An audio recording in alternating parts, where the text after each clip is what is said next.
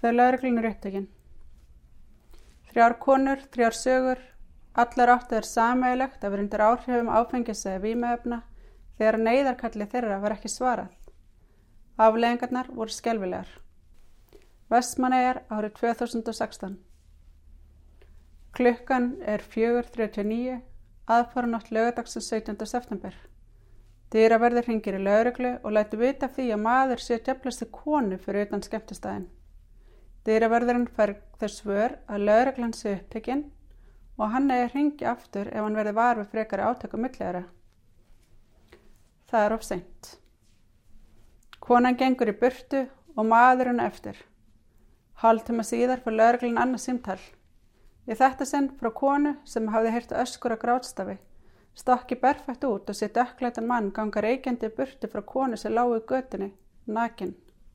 Hún hafði orðið að hann hefði verið með góða með sig. Úti var regning og kallt, svo hún sapnaði saman fötum sem lág að víða dreifi kringum konuna og lagði yfir hana. Bíðin eftir lauruglu sjúkrabíl var oflöng. Henni fann sig konan geti dáiður kulda í höndum sér. Konan sæði lítið og það var sem hún sapnaði. Áverkar á andliti konunar voru svo alveglegir að hún var óþekkinlega í útliti. Það var ekki fyrir hún svaraði með nafni sem að hún átti að sá því hver konan væri. Hún vissi vel hver hún var. Konan var drikkveld, hafði verið með læti í götunni og hún hafði áður hengtu lauruglu vegna hennar. Af því að konan var auðsynulega veik og þurfti á aðstöða að halda. Fleiri íbúir í húsunum þarna í kring heyrðu grátt konunar sásakaljóð. Annað vittni kom að og staðist hafa hitt konuna sem lánu í gödunni fyrir um nóttina. Það var dökkleitum maður eftir henni. Á spítalanum fekk aðeins óljós lýsinga atveikum. Hann kildi með kildi, sagði konan sem hætti erfitt með að greina frá atveikum næturinnar.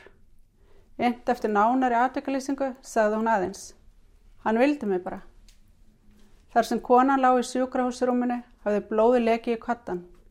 Andlit hennar var afmyndað, blóðugt, marið og stokkbolgið svo hún gata ekki opnað augun. Hitinni líka með hennar hafði mælst 35,3 gráður og hún skalv enn af kulda. Auk þess sem hún var í annarlega ástandi. Hún hefði ekki lifa nóttin af þar sem hún skilin eftir í blóði sinu nakinu götinni. Loks var konan flutt með þyrli landhelgiskeslunar á landsbítalan þar sem hún sagði frá því á neyðarmótöku vegna nöðgana að hún myndi eftir því að hafa hitt árásamannin skömmu fyrir árásina sem bar brátt að. Hún hefði verið slegin tveimur höggum en hún myndi ekkert eftir það. Sent og síðast ári fjöld dómur í málinu. Maðurinn fekk 6 ára fangilsustóm og var dæmdi til að greiða koninni 3,5 miljónir. Ef lauruglan hefði bara komið strax um leið og hjálparkalli barst, hefði það verið hægt að bjarga konni. Líklega En við vitum það ekki. Laureglan var upptekinn. Konan var komin í götuna í lífshættulegt ástand. Maðurinn góður með sig. Reykjavík 2019 Það er 22. desember, það er að koma jól. Örvendingar fullir fadir hefur samband við laurugluna og óskar eftir aðstöð vegna dóttur sinnar. Í að minnstakosti tíu daga hefur hún verið á heimili manns sem virðist að hafa haldið henn upp á fíknefnum á milli þess sem hann misnötaði hana. Laurglann segir föðustúlkunar en þurfa átt að segja því að umrættum maður sé lögulegður og að þanga verði ekki farið inn nema með hans samþekki. Laurglann fyrir enga síður að heimili mannsins og bankar upp á. Maðurinn sagði stúlkunna verið í góðum málum og hún vildi hvorki tala við laurugli niður fólkdra sína. Fíknefni sást í fórum mannsins en ekkert var aðhafst. Fadurinn var skilin einn eftir fyrir utan húsið, vitandi af dóttusin bjargaleysrið þar inni. Á þorlegsmessu kvöld köllu fórildrastúlkunar aftur á lauruglu. Í millitíðinu höfðu þeir, ráðalausir og áhyggjufullir, sendt aðra unga mannesku inn á heimili mannsins undir því yfirskinni að hún væri mætt í partíið. Við komum til gerðu þeim viðvart að inn á heimilinu væri dóttir þeirra í vægasagt annarlegu ástandi og þar væri eiturlif og spröytur. Faði stúlkunar hengdi aftur í lauruglu og aftur, áður hann fekk nokkur viðbröð. Lauruglan kom að staðin en hikaði við að fara inn. Stúlkan kom loks út, illa farin og datt ítrekkað út. Hann var að spreita mig, sagði hún. Hún var flutt með sjúkrabíl á landsbytalan þar sem hún dvaldi yfir hátíðarnar. Maðurinn var kallaður skýslutöku en sleppt að henni lokinni. Sólarheng síðar var hann handtekinn á ný, nú grunarum hafa nýtt þann tíma til að brjóta gegn tveim rungum konum til viðbútar. Maðurinn sati gæsluvarhaldi fram yfir áramót en áframhaldandi gæsluvarhaldskröfu var hafnað. Hefði verið hægt að ná koninni sólarheng fyrr út úr húsinu, hefði lögreglan bröðist strax við. Jafnvel bjarga tveimur konum til viðbútar. Við vitum það ekki. Lögreglan heikaði og hvarf frá vettvangi án frekar aðgerða. Aðskott skal höfði nærveru sálar og allt það.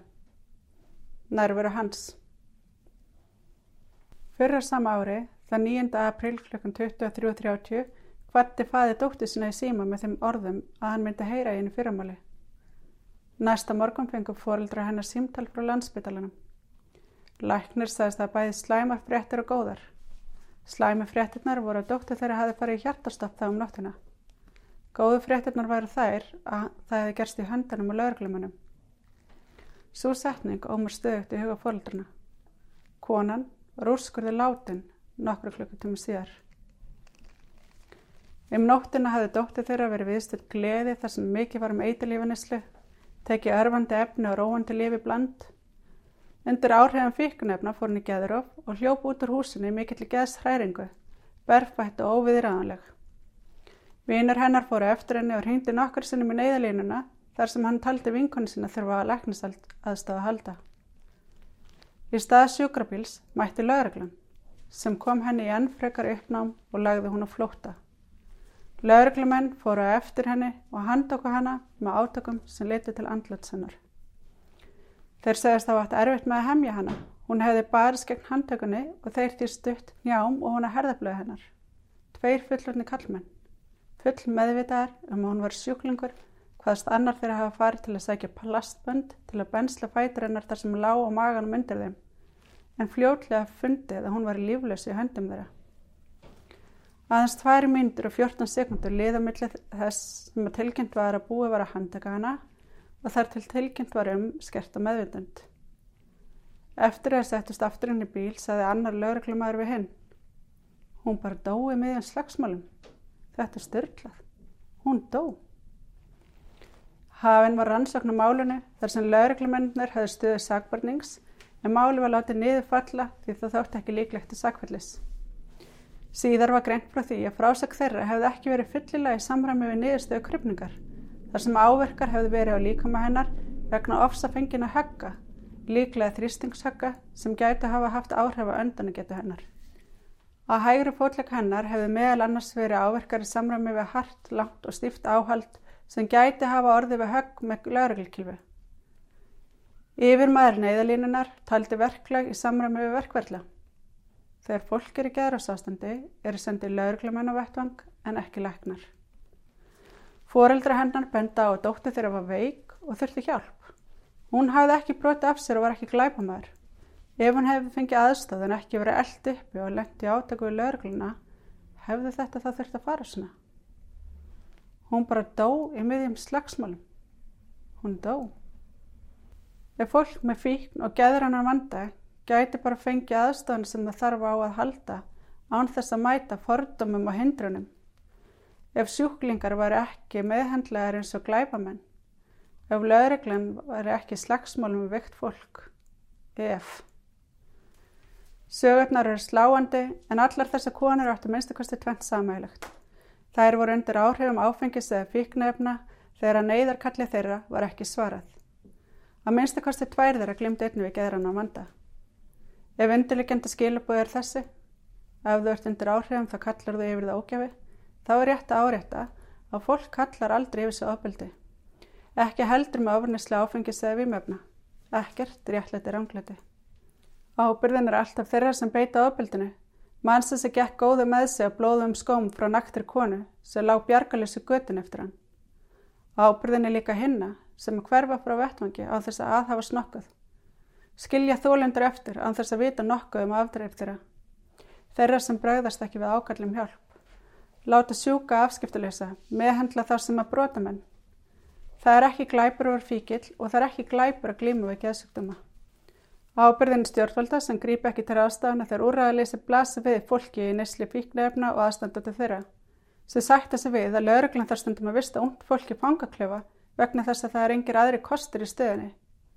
Að fangilsin séu full af veiku fólki sem far litla sem enga list sinna mála, hvorki meðferð við fíkn í geðsugdumum, litla sem enga úrmunnslega áfalla eða ábyldis, enga meðferð við því sem leti það að lokum í fangilsi. Stjórnvalda sem reyka sjúkrahús með svo miklu skorti að það þarf að loka geðdeldum á sömrun. Þar sem tveir ungi menn þurft að fyrirfara sér með nokkur út af millibili án þess að loks var greipið til aðgerða til að tryggja öryggi fólks í sjálfsveitsætti innar geðdeldum landsbytalans. Ábyrðin er líka okkar hinna sem hefni því að fá húsnæði fyrir heimilisleysa í hverfi okkar.